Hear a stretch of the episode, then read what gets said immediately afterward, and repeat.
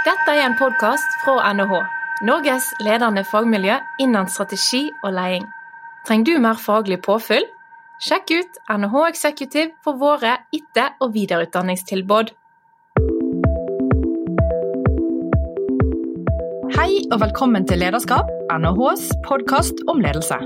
Vi skal hjelpe våre lyttere med å skape gode arbeidsrelasjoner, og ved hjelp av forskning og våre kloke gjester setter skapet på plass når det trengs. Mitt navn er Therese Sverdrup, og jeg er førsteamanuensis ved Norges handelshøyskole. Og jeg heter Tellef Solbakk Rave og er forsker ved SNF, samfunns- og næringslivsforskning, også ved NHH. I denne episoden skal vi snakke om innovasjonskapasitet.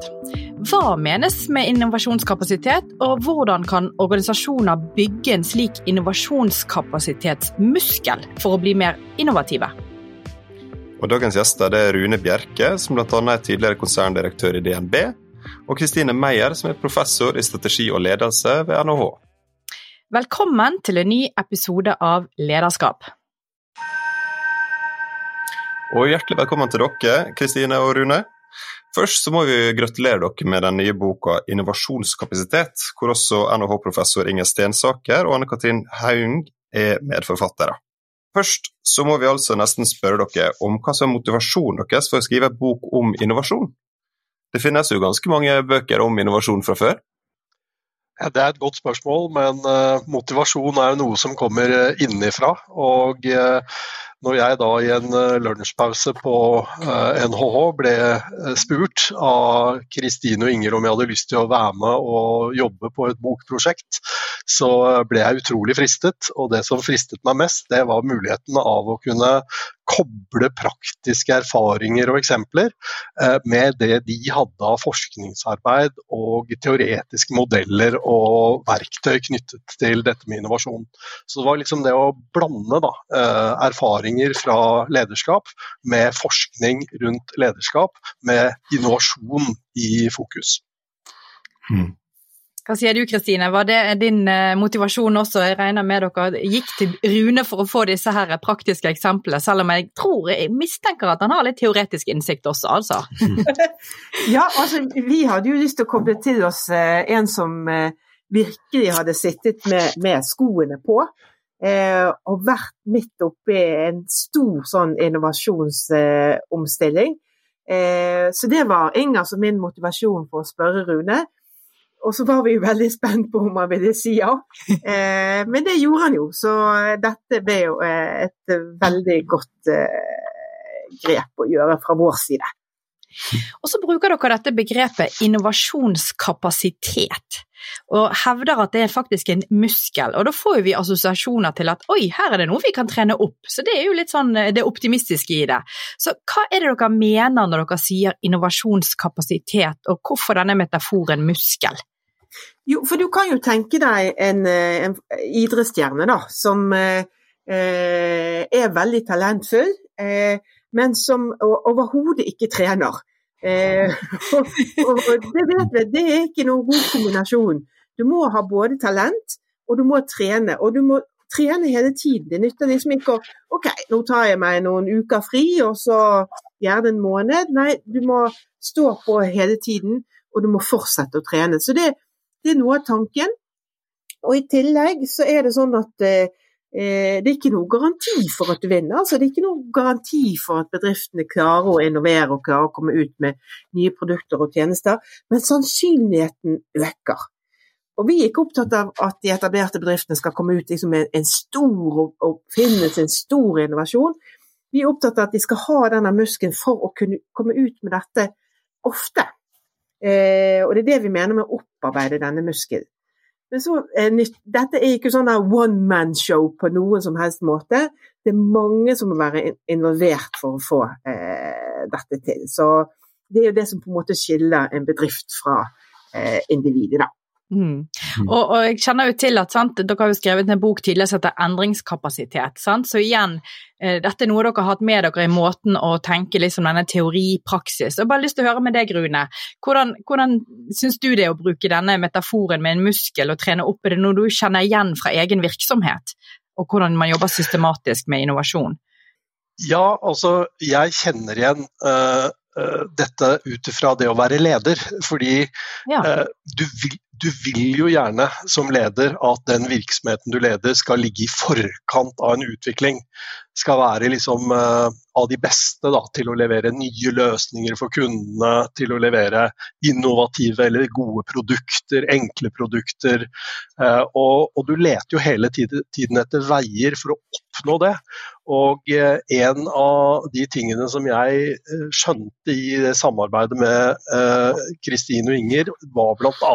at det er en del sånne eh, tannhjul da, som eh, vi brukte som en metafor, som du kan skru på, som da øker eh, kraften, eh, den innovative kraften i virksomheten.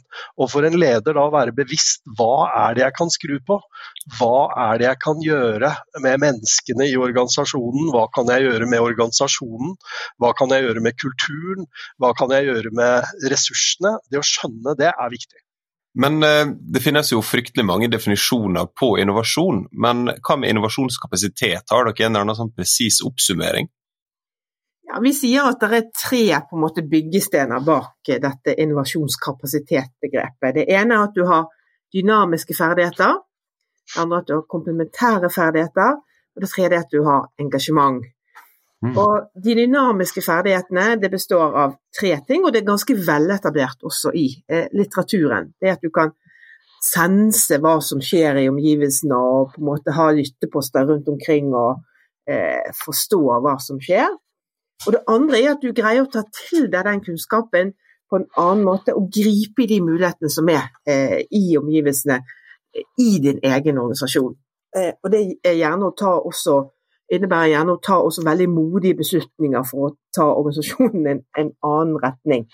Um, og Det tredje det er at du klarer å transformere din egen eh, organisasjon. Så Det er liksom det som er innenfor eh, dette vi, vi, vi, kaller for dynamiske ferdigheter. Men så nytter det jo ikke bare å ha noen som løper rundt i bedriften og eh, tenker innovativt og nye tanker. Du, du, må ha noe mer med deg du må ha noen som kan kode, du må ha noen som kan markedsføre produktene. De skal settes i produksjon, så må du kunne det. Og det vet vi at det er ofte der sånne startup det er der de feiler. Men dette har jo de etablerte bedriftene. Men disse må kobles eh, sammen. Du må ikke bare ha noen mennesker som driver på med eh, innovasjonsløper rundt for seg selv. Eh, mm. og så oppå det, eh, og det har vært på en måte X-faktor i, i uh, hele dette bokprosjektet, å finne frem til denne siste komponenten. Hva er det? Eh, og der har Rune vært veldig eksponent liksom, for å få med denne ekstra eh, begeistringen som, som, må til for å dra en i denne innovative retningen og få samlet alle. Så eh, det, Rune, der er ordet ditt, tenker jeg. Ja, altså Dette er et begrep som i hvert fall alltid jeg har vært opptatt av i, i, i utøvelsen av lederskap. Dette er jo hvordan skape engasjement. Eh, for i selve begrepet engasjement så ligger det utrolig mye kraft. Men det ligger også det ligger nysgjerrighet. Eh, det ligger også en type positiv holdning til framskrittet, på sett og vis. Altså det er liksom det å se på. Eh, det å se på endringer eller forbedringer eller forenklinger eller nye måter å gjøre ting på. Se på det som noe fascinerende og bra. Ikke bare noe som hva skal jeg si, kan true det etablerte eller true det eksisterende. Og nettopp det å da få alle til å liksom være liksom i virksomheten være opptatt av å, å heie, eh, på, heie, på, det som er av eh, nyorientering. Heie på det som er av eh, forbedringer. Heie på det som er av Eh, enklere og bedre digitale måter å løse tradisjonelle utfordringer på, f.eks. Det, liksom, det er en kunst, men når du liksom klarer å utløse det engasjementet, så skjer det mye mer i en virksomhet. Det vanlige er jo egentlig at man at man hegner litt om uh, det som er, eller det som var i går. For man, man, liksom, man er jo redd for å miste noe. Uh, særlig er mange ansatte, mellomledere osv. redd for å miste posisjon, miste jobb, miste utfordringer. Men, men man har heller snudd det til å liksom få, gi og ta utfordringer. Da. Og Der liksom ligger dette begrepet med engasjement som noe som jeg tror kan være med å øke da, denne muskelen som Kristine prater om. Ja, jeg syns det er gøy. Jeg har jo hørt deg tidligere, Rune, og snakke veldig engasjert om engasjement og viktigheten av det. Så det eh, støtter jeg fullt ut. Og det er gøy at vi liksom får denne X-faktoren, som du kaller det, Kristine, inn i kall det våre tørre teoretiske rammeverk. Men så fikk jeg så lyst òg, som du sier, Rune, det er noe med eh, sant? Folk ser bakover og Så, videre. så bare tenkte jeg litt òg på disse bedriftene som, som griper mulighetene. Sant? Og så kan det i enkelte virksomheter bli sånne type A- og B-lag. Dette er noe jeg har hørt og lest litt om. Sant? At De som driver med innovasjon, de er engasjert og syns det er kjempegøy, og så har du gjengen ellers som driver med drift. Ja, hva med oss, da? Eh, har du stått i noen sånne problemstillinger, eh, Rune, eller kjenner til liksom, hvordan får man hele bedriften med, eh, og ikke bare de som, eh, som får jobbe med det nye? Det er også utrolig spennende uh, problemstilling. og Jeg kan liksom ta utgangspunkt i det jeg opplevde i DNB når vi utviklet VIPS innenfra. Ja. Eh, gjennom da et eget miljø, eh, en egen enhet som hva skal jeg si, fikk full frihet, alle ressurser til disposisjon, topp backing fra både styre og ledelse, og som da lykkes lykkes eh, i å få VIPS eh, klar til markedet, sånn at man kan komme ut først og veldig fort skaffe seg én million brukere. Man kan jo liksom lett tenke på da at de som var med på VIPS eh, og utvikle det, de blir et super A-lag, mens de som ikke får være med på det, de står liksom litt på siden og er misunnelige på alle ressursene som de blir stilt til disposisjon, misunnelige for all oppmerksomhet fra toppledelsen og styret osv. Eh, men da er det desto viktigere å gjøre en eh, type eh, innovasjon som det VIPS var, da, til et felleseierskap.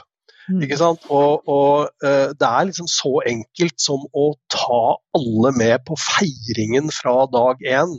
Det er så enkelt som å si at liksom, det ville ikke vært mulig for de få som utviklet VIPS og gjør det hvis man ikke hadde infrastrukturen, hvis man ikke hadde kulturen, hvis man ikke hadde ressursene som resten av organisasjonen hadde skapt.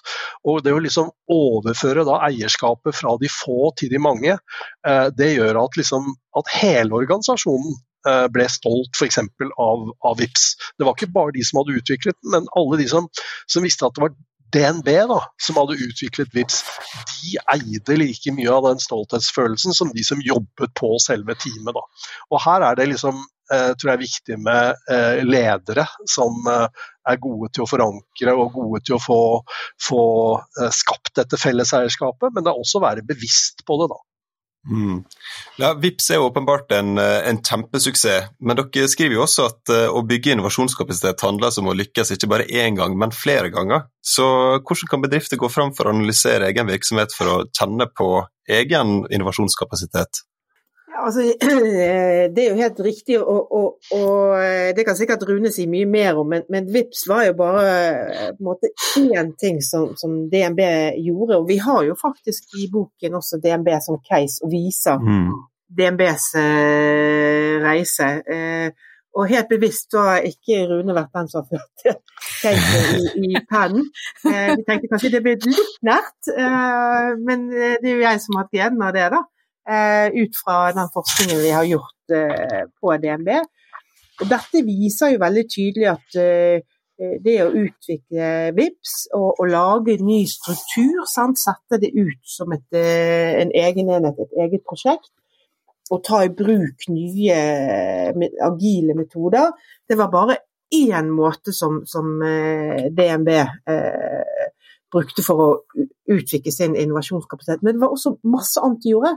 De, de utviklet eh, partnerskap med startups og startups-miljøet. Eh, de gikk inn i nye eh, partnerskap. De utviklet en, en, ny gruppe som fikk lov å drive med helt, helt radikal innovasjon. Så, så dette var liksom bare ett grep Eh, og en av de eh, tingene som, som, Rune gjorde, og han snakket jo tidligere om disse tannhjulene. Og de tannhjulene som ligger under, det er jo en tanke på at det er mange el organisatoriske elementer som en leder kan eh, påvirke for å få opp denne kapasiteten. Sant? Og, og det hadde noe med kulturen å gjøre. Eh, det hadde noe med systemene å gjøre, det hadde noe med hvilke insentiver man får. Så det er mange organisatoriske elementer som man kan liksom sette i sving for å få opp denne kapasiteten. Men jeg kan spørre deg, Rune. Eh, altså, har du noen konkrete tips til, til, hvordan man kan analysere innovasjonskapasiteten i bedriften sin? Hva, hva, type ting er det man eh, burde gå inn og, og analysere? Skal det kvantifiseres eller måles? Jeg tror det er veldig viktig at uh, enhver virksomhet er flink til å benchmarke seg eller måle seg selv opp mot andre av de virksomhetene man konkurrerer med. Man kan uh, eksempelvis se uh, er produksjonsprosessene våre like effektive eller mer effektive. har vi vært like flinke eller flinkere til å lansere nye produkter? Har vi vært like flinke eller flinkere til å gjøre kundenes Eh, løsninger enklere. Uh, har vi vært like flinke til å f.eks. Eh, skape begeistring rundt merkevaren vår, eller det motsatte. Altså, det er mange sånne måter man kan måle seg selv opp mot de man konkurrerer med, og i så måte også da få et bilde på hvor man ligger sånn uh, i forhold til å innovere, da, eller å være i besittelse av tilstrekkelig innovasjonskapasitet. Så her er det jo egentlig da bare å bestemme seg hvor man vil ligge eh, i forhold til eh, de andre aktørene i markedet, og være ærlig i, i, i, i, vurderingen av seg selv. Og Hvis det er store virksomheter, og dette er jo ganske interessant, eh, hvis man f.eks. er en stor eh, bank, så har man eksterne analytikere som rangerer eh, f.eks. hvor gode man er på innovasjon, hvor gode man er på eh, eh, produktlanseringer, hvor gode man er eh, i forhold til å oppnå tilfredshet hos kundene rundt løsninger osv. Så, det å bruke alle mm. de eh, mulighetene man har til å, til å få et bilde av hvor man ligger i forhold til de rundt, det er avgjørende. Og det er jo de som da ligger lengst bak i køen, som ofte har en tendens til å bli kjørt fra eller eh, bli irrelevante, og derigjennom miste markedsposisjon markedsandel. Du snakket jo òg Kristine, i sted om disse her tannhjulene. Sant? Det er kultur, det er system. Og så er dere også opptatt av ledelse. Eh, og det er jo mange lyttere hos oss som er ledere, og sikkert sitter og kjenner på sånn ok, hva er leders rolle oppi dette? Selvfølgelig skal man jobbe med kultur og struktur, men dere er faktisk ganske tydelige på type av ledelse som kanskje sånn er litt moderne, skal vi kalle det det?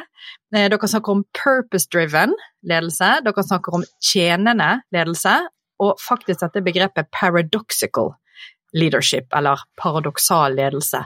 Eh, vil du utdype noe der på det, Kristine? Hvordan skal man som leder i dag forstå dette? Ja, og jeg må jo bare si at altså, det Paradoxical leadership har vi strevet med å finne et norsk ord for. Ja. Paradoksal ledelse er liksom ikke helt som det samme. Eh, helt riktig. Eh, det er jo noe med de moderne formene for, lederskap som, som treffer dette.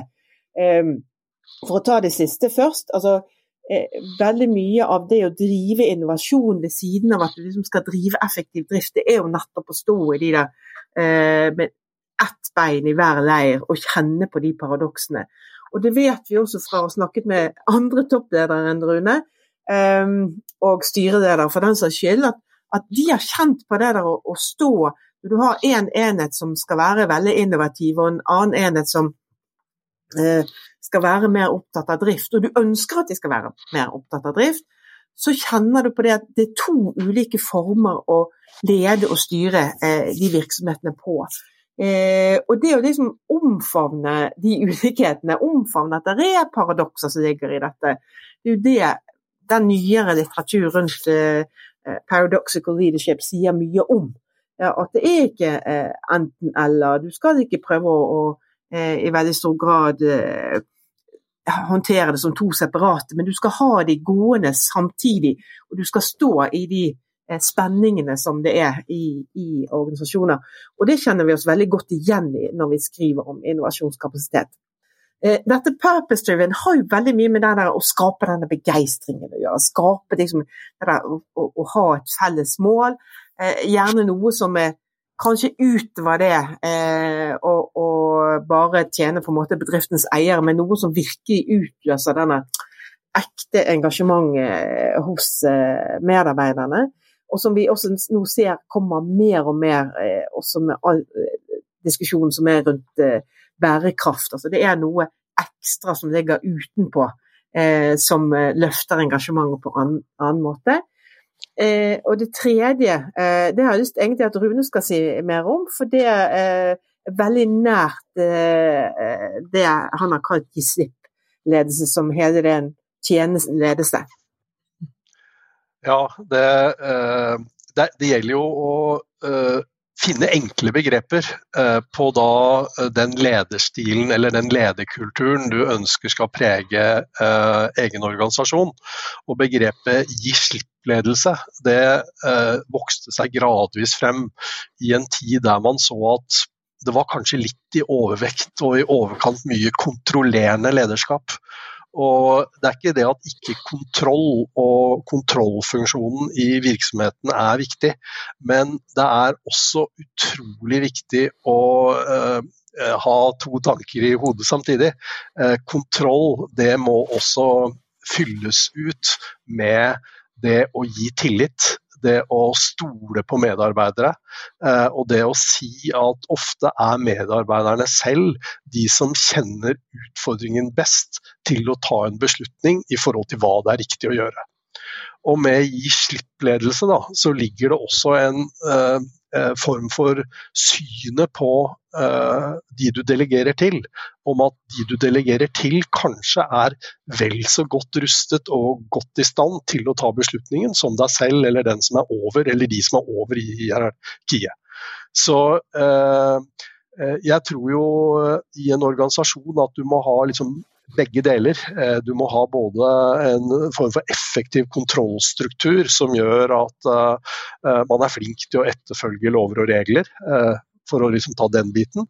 Men du må også ha en type lederskap som da gir tillit, som er desentralisert i den forstand da at medarbeiderne får muligheten til å treffe flere beslutninger, raskere beslutninger, enn de får i et mer kontrollerende system.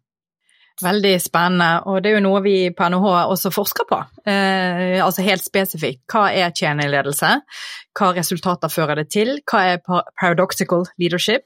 Så, så det er kjekt å se at vi er på ballen, Kristine. må ikke vi skryte for mye, for all del. vi må jo ta med oss den forskningen vi ja, har eh, på NHH inn når vi skriver bok, så det er klart at da må vi ta med oss alt det vi kan finne um, av gode Men, men det, er, det, er det, det, er, jo det, som jeg syns også er så bra med uh, eksempelvis NHH, er at de har programmer, både forskningsprogrammer, men også møteplasser for da de akademiske ressursene og de som sliter med de praktiske problemene i næringslivet eller i offentlig sektor. Og Det er jo det å skape de møteplassene og skape en form for felles innsikt om hva som virker, eh, hva som virker godt og hva som kanskje ikke virker, som gjør at man eh, oppnår framskritt. Ikke sant. Men vi skal jo gå videre til å snakke om konkrete verktøy som bedrifter kan bruke nettopp for å innovere. Men, eh, men, først så hadde det vært spennende å høre mer om metodikken bak denne boka. For det, det kommer jo tydelig fram her nå at dette her er et prosjekt mellom praktikere og teoretikere. Så kan dere fortelle litt om eh, hvordan var det å gå fram og skrive denne boka sammen? Eh, det sier seg jo selv at når det er fire forfattere på en bok, så er det sånn at det er fire forskjellige stemmer. Det er fire litt forskjellige språk, det er fire litt forskjellige erfaringsbakgrunner, men som heldigvis får lov til å bryne seg på hverandre.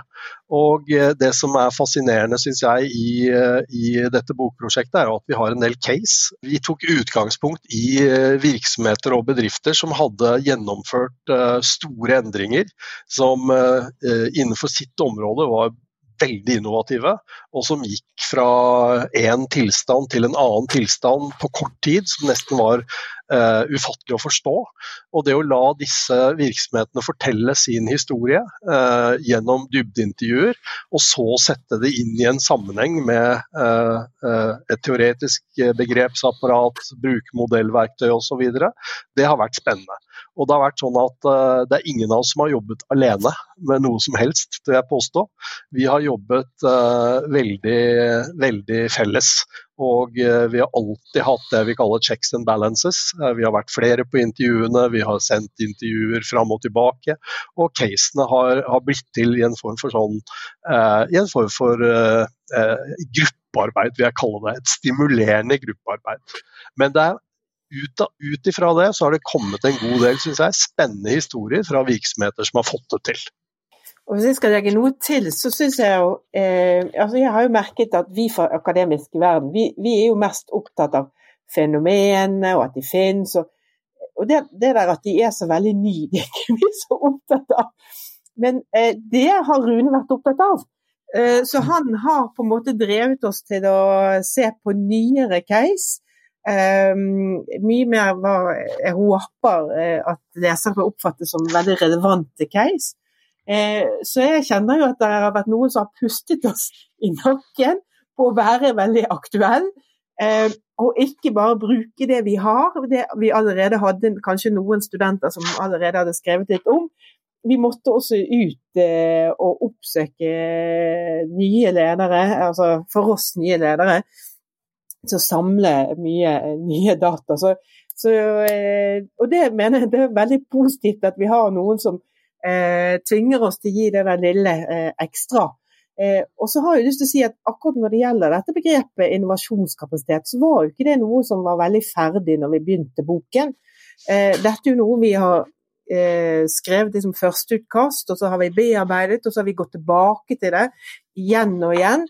Eh, så typisk eh, sånn som har vært utviklet gjennom eh, diskusjoner frem og tilbake, og virkelig et innovasjonsprosjekt på godt og vondt. Så, så det har vært veldig gøy å jobbe på tvers av disse linjene mellom praksis og, og akademia. Vi syns jo i utgangspunktet at vi er ganske liksom, opptatt av praksis, men vi har nok blitt pushet ganske kraftig likevel.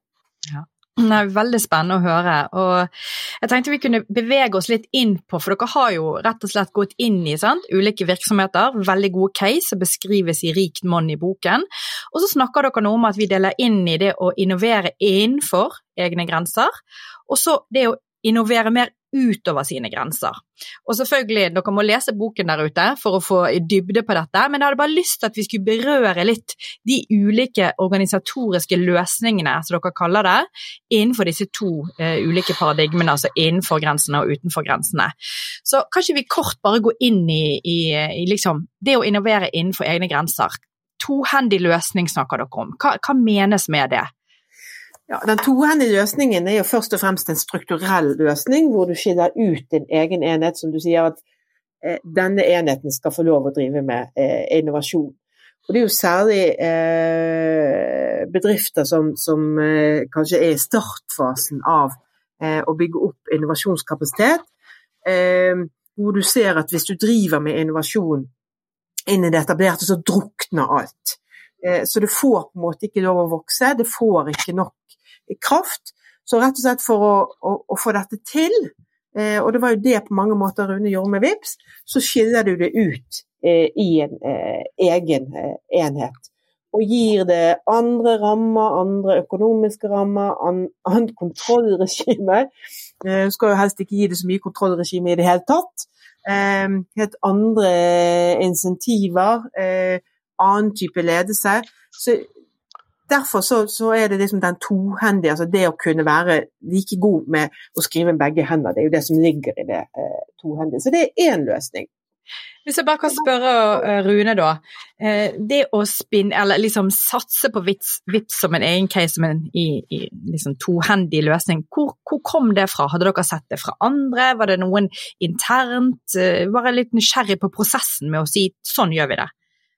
Det er nok ofte eh, eksterne grunner som eh, tvinger deg til å bruke det grepet. I tilfelle VIPS så var det sånn at vi visste at eh, VIPS måtte eh, produseres, altså det måtte være ferdig oppe å stå som en digital lommebok, og det måtte være ute i markedet på under seks måneder.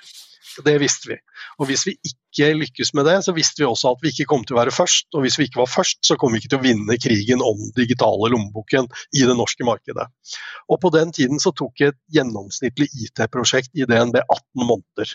Altså, Vi skjønte jo at det å, det å liksom bruke tradisjonell fossefallsmetodikk, bruke de miljøene, kvalitetsmiljøene og milepælstenkningen eh, som lå liksom bak ethvert utviklingsprosjekt, det vil ikke gi den hastigheten vi trengte. Og Da måtte vi bare liksom tenke liksom, hva gjør vi da? Vi, vi gjør det liksom radikalt annerledes. Vi samler liksom de beste ressursene vi har innenfor ulike faglige områder. Vi gir dem full frihet, nær sagt eh, eh, alt de trenger av ressurser, eh, og gir dem masse oppmerksomhet, feedback og støtte for at de skal klare det på egen hånd. Ikke skal de være avhengig av å måtte spørre andre om lov. Ikke skal de måtte være avhengig av å søke om ressurser til videre utvikling. Ikke skal de måtte være avhengig av å uh, tenke gjennom hvem skal, hvem skal, være med på dette, og hvem skal ikke være med på det. Og, altså, de, de, fikk full frihet, og da måtte de være utenfor det tradisjonelle. Da.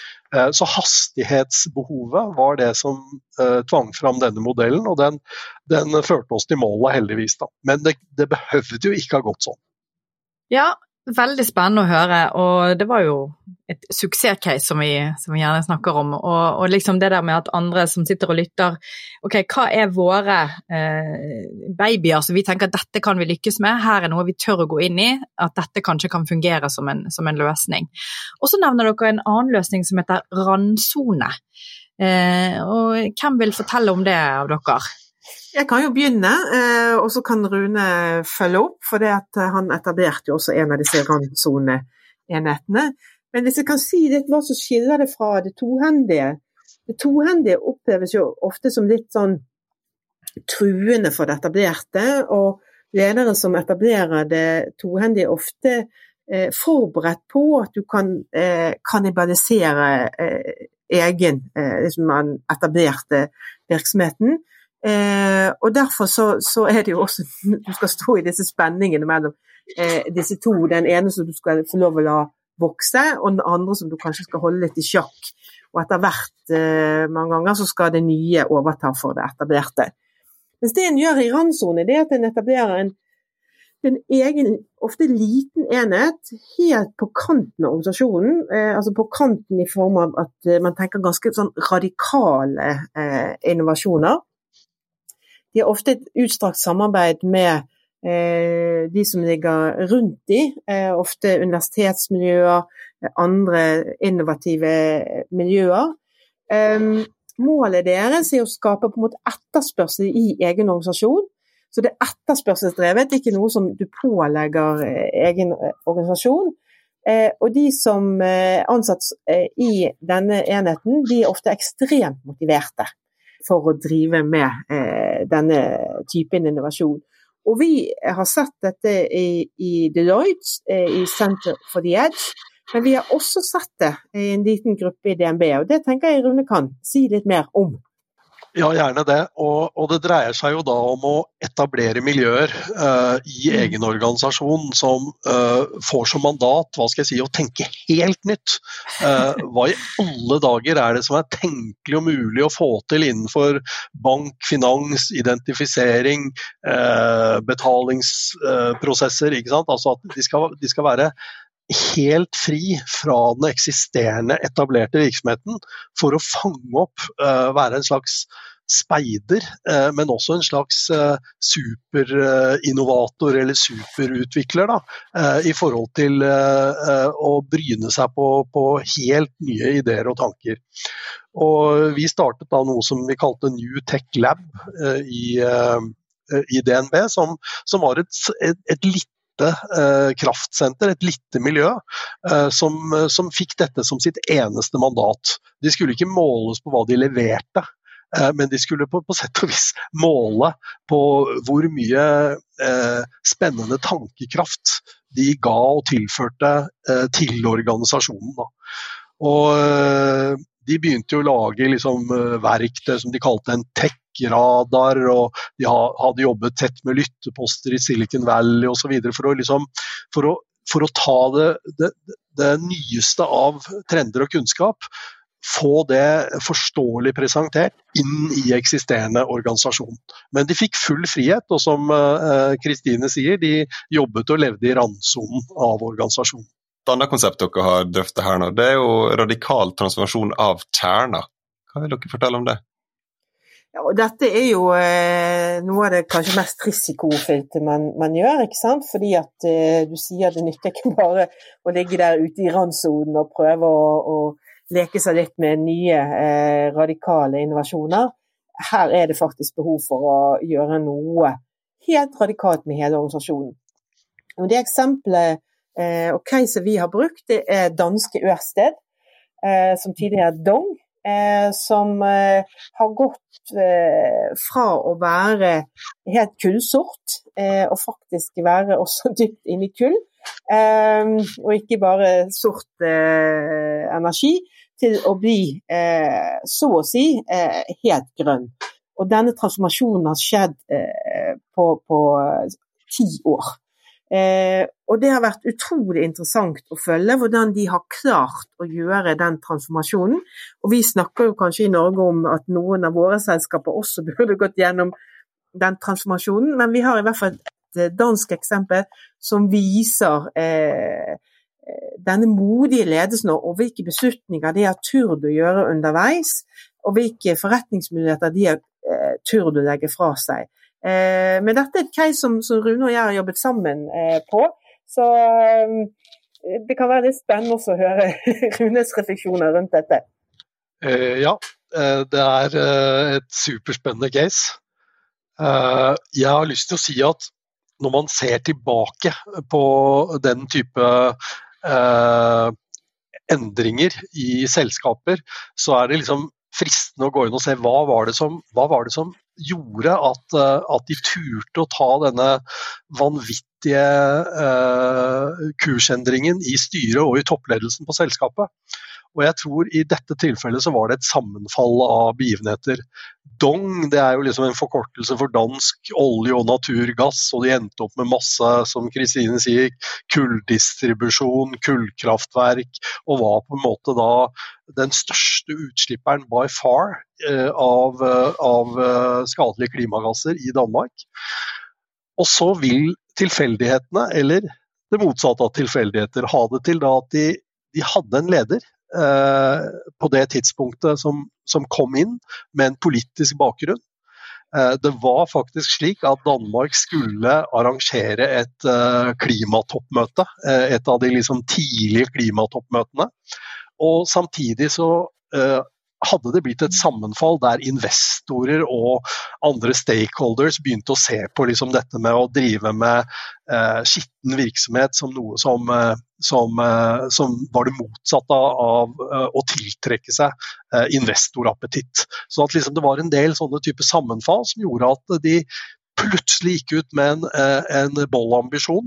Den var ikke liksom så bold uh, i starten at man skulle bli helt grønn, men man gikk ut uh, med et veldig hårete mål og sa at innen fem år så skal vi liksom ha blitt så og så mye fornybare i forhold til det å ikke være fornybar. Og så klarer man å levere på det, og man klarer å levere mer enn det man satte opp av høye ambisjoner i starten. Og så får man etter hvert innifra dette til å bli en snøball som ruller. Og den ruller raskere og raskere, og det kommer en ny leder på plass som bare eh, forhøyer ambisjonene. Og til slutt så, så har man da ikke eh, nesten noe eh, avtrykk, klimagassavtrykk igjen. Så, så, det er fascinerende å se hvordan det er. Eh, det er selvfølgelig noe med lederskap, det er selvfølgelig noe med endringer i politiske rammebetingelser, endringer i investoratferd å gjøre. Men, men, man ser liksom hvordan da det å sette seg et, et hårete mål, eh, og det å faktisk overlevere på det hårete målet, det, bare, det skaper en, en indre kraft da, som nær sagt uh, gir fullstendig omveltning av hele selskapet.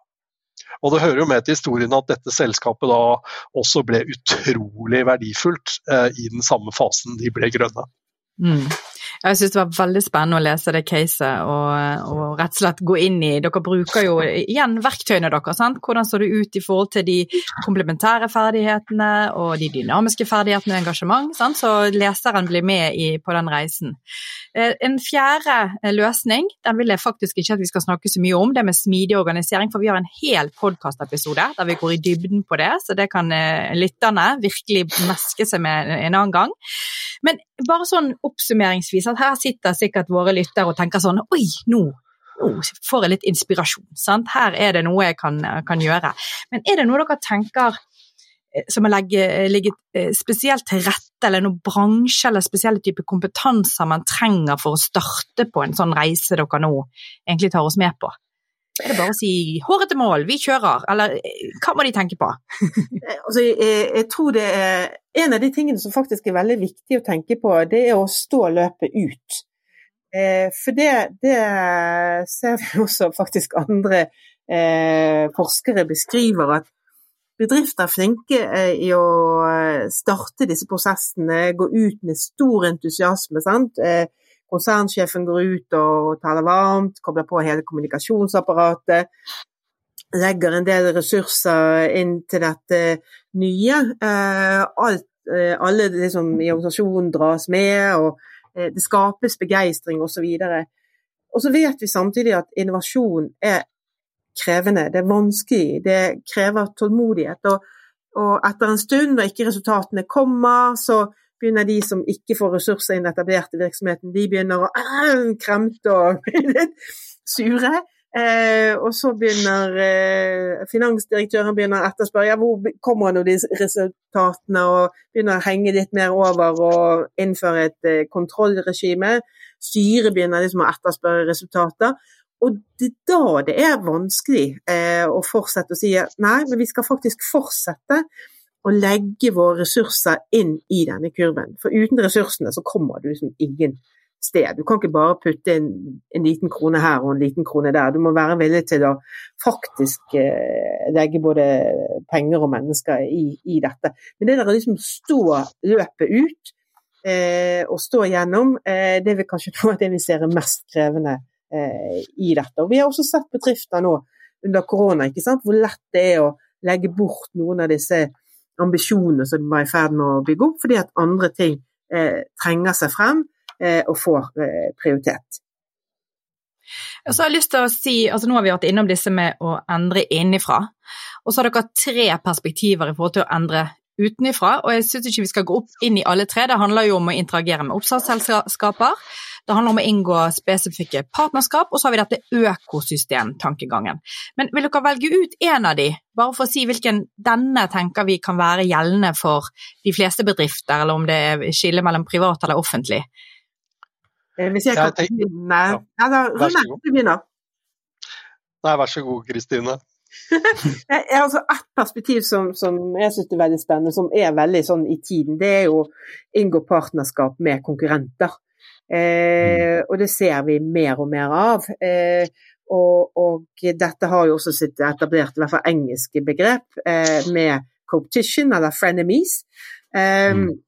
Og, og, her ser vi liksom flere og flere selskaper går inn i dette. Bankvirksomheten har gjort det for å få hånd om eh, hvitvasking. Sant? De store big tech eh, konkurrerer på noen områder, men de samarbeider på andre. Bl.a. med å finne sånne sporingsapper i forbindelse med covid. Så, eh, og her er det igjen dette, disse paradoksene som vi har vært inne på tidligere. Hvordan du klarer å håndtere det å skulle konkurrere, men samtidig også samarbeide med eh, dine konkurrenter. Så eh, det er kanskje et av de mest spennende områdene som vi har lyst til å gå enda mer inn i også eh, etterpå. Jeg kan bare slutte meg til det. Jeg tror eh, begrepet 'frenemies' er noe egentlig alle bør, eh, bør uh, feste til, til, egen hjernebark. Fordi det, det, det, gir også noen muligheter i forhold til å tenke utvidelse av egen verdikjede. Hvis man ser hvordan man da kan uh, gjøre mer, uh, gjøre gjøre et produktspekter bredere eh, og videre, og kanskje få mer effektive produksjonsprosesser, hvis man finner en eh, partner som er en slags konkurrent. Du har jo sett eksempler på samarbeidet mellom Telekom og bank. Du kan tenke deg samarbeidet mellom medieselskaper og plattformselskaper. Du ser med, samarbeid mellom distribusjonsselskaper og matvareleverandører. Altså, det er noe med å Plutselig så har du en helt annen reach, en rekkevidde da, på det som er produktspekteret ditt og mulighetene dine. Mm. Ja, et konkret eksempel her er jo hvordan ulike konkurrerende medieselskap bruker VIPS som innloggingsløsning og betalingsløsning, som, som jo minsker friksjonen for forbruker. Så det er jo et, et godt eksempel på det. Ja, og, og, eh, det slo meg her forleden eh, når dette nye flyselskapet Flyr eh, skulle sørge for innlogging, så er, liksom, så er, du fritt da, til om du logger inn med VIPS eller om du legger inn mobilnummer og egne data. Og Det er jo, det er jo et veldig godt eksempel hvor det er en slags win-win, men hvor begge må gi fra seg noe. Mm. Og så ser vi jo, eh, og det har vi også et eksempel på i boken med, med Wilhelmsen, eh, som vi ser at for å løse disse bærekraftsutfordringene, de sier at dette klarer ikke vi å gjøre alene. Så for å hele denne eh, ned eh, karbonet, så må de søke samarbeid med konkurrenter. Fordi at utfordringene er altfor store til at ett selskap kan løse dette alene. Mm. Mm. Men så har vi um, dette slagordet nærmest som henger over de fleste virksomheter i dag. Innovate or die. Um, så har dere nok uh, tre avsluttende tips til hvordan ledere kan forbedre sin innovasjonskapasitet? Altså Hvis jeg skulle si tips fra min side, så er det å tørre å innrømme at man egentlig vet veldig lite om uh, framtida. Mm. Eh, fordi eh, tradisjonelt så har jo liksom ledere skulle være de som går foran og forteller hvor virksomheten er om fem år eller ti år. Det har jeg ingenting eh, tro på. Jeg tror at man eh, må være åpen og ærlig og si at liksom hvor, liksom, hvor vi går, det er veldig mye bestemt av eh, forhold som vi ikke kan se eh, konkret i dag. Og Det igjen da, det åpner for mer ærlig søken, eh, både hos lederskap, styre og organisasjonen som helhet. Så ikke liksom tro at du vet hvor, hvor framtida er hen. Det, det, er liksom en greie fra min side. Og Det andre jeg har lyst til å si, det er at uh, sørg for å ligge i ledelsen. Sørg for å hele tiden ligge i teten innenfor det som er din uh, uh, gruppe av konkurrerende virksomheter. Og Hvis du ikke ligger i teten, så tror jeg sjansen for å bli frakjørt er stor. Mm. Og Jeg har lyst til å føye til noen. Altså, for det første krever det at du er systematisk. Eh, det er ikke noe sånn quick fix så du kan gjøre én ting. Du må faktisk eh, tenke at eh, du må mobilisere hele organisasjonen og alle de organisatoriske elementene for å få dette til. hvis du bare på en måte skrur på insentivene og lager de, så vil det føre helt galt av sted hvis du ikke samtidig endrer på kulturen og måten å følge medarbeiderne opp på osv. Så, videre. så det er den ene. Og så finnes det mange ulike måter å gjøre dette på. Eh, og man kan godt eh, gå inn i mange måter.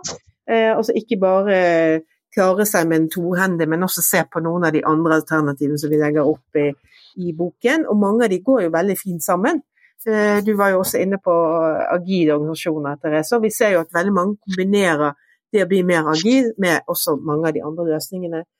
Og den siste jeg vil si, er at eh, det er få bedrifter nå som eh, kan tenke at eh, alt vi gjør innenfor våre grenser, det er nok. Vi ser flere og flere virksomheter som søker liksom ut. Forstår at det hjelper å innovere sammen med andre, enten det er kunder, leverandører, konkurrenter eller andre partnere. Så skjønner de at for å virkelig få dette til, og for, ikke minst for å få tempoet opp, så må vi eh, invitere eh, og bli en del av et større konstellasjon. Supert. Veldig konkrete og gode tips. Og selvfølgelig leserne våre kan dykke virkelig ned i det de skaffer seg boken. Når kommer boken, eh, Kristine? Ja, Den skulle kommet nå 8. mars. Den er en uke forsinket av helt forståelige grunner, som vi alle kjenner til nå. Eh, men eh, den skal være der eh, til vår boklansering, som er da 16. mars. Og da er boken der. Det gleder vi oss til. Tusen hjertelig takk for at dere stilte i dag. Veldig spennende. Du har nå hørt på Lederskap, NHHs podkast om ledelse. Mitt navn er Therese Sverdrup. Og jeg heter Tellef Rabe. Kom gjerne med tilbakemeldinger eller innspill til tema. Du finner kontaktinformasjonen vår på NHH sin hjemmeside, eller så kan du skrive til oss direkte på Twitter og LinkedIn. Og om du likte det du hørte, så blir vi veldig glad om du vil abonnere eller dele episoden med dine kollegaer. Vi høres!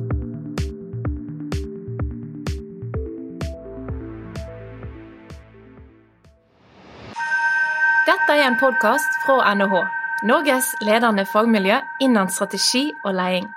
Trenger du mer faglig påfyll? Sjekk ut NHH Executive for våre etter- og videreutdanningstilbud.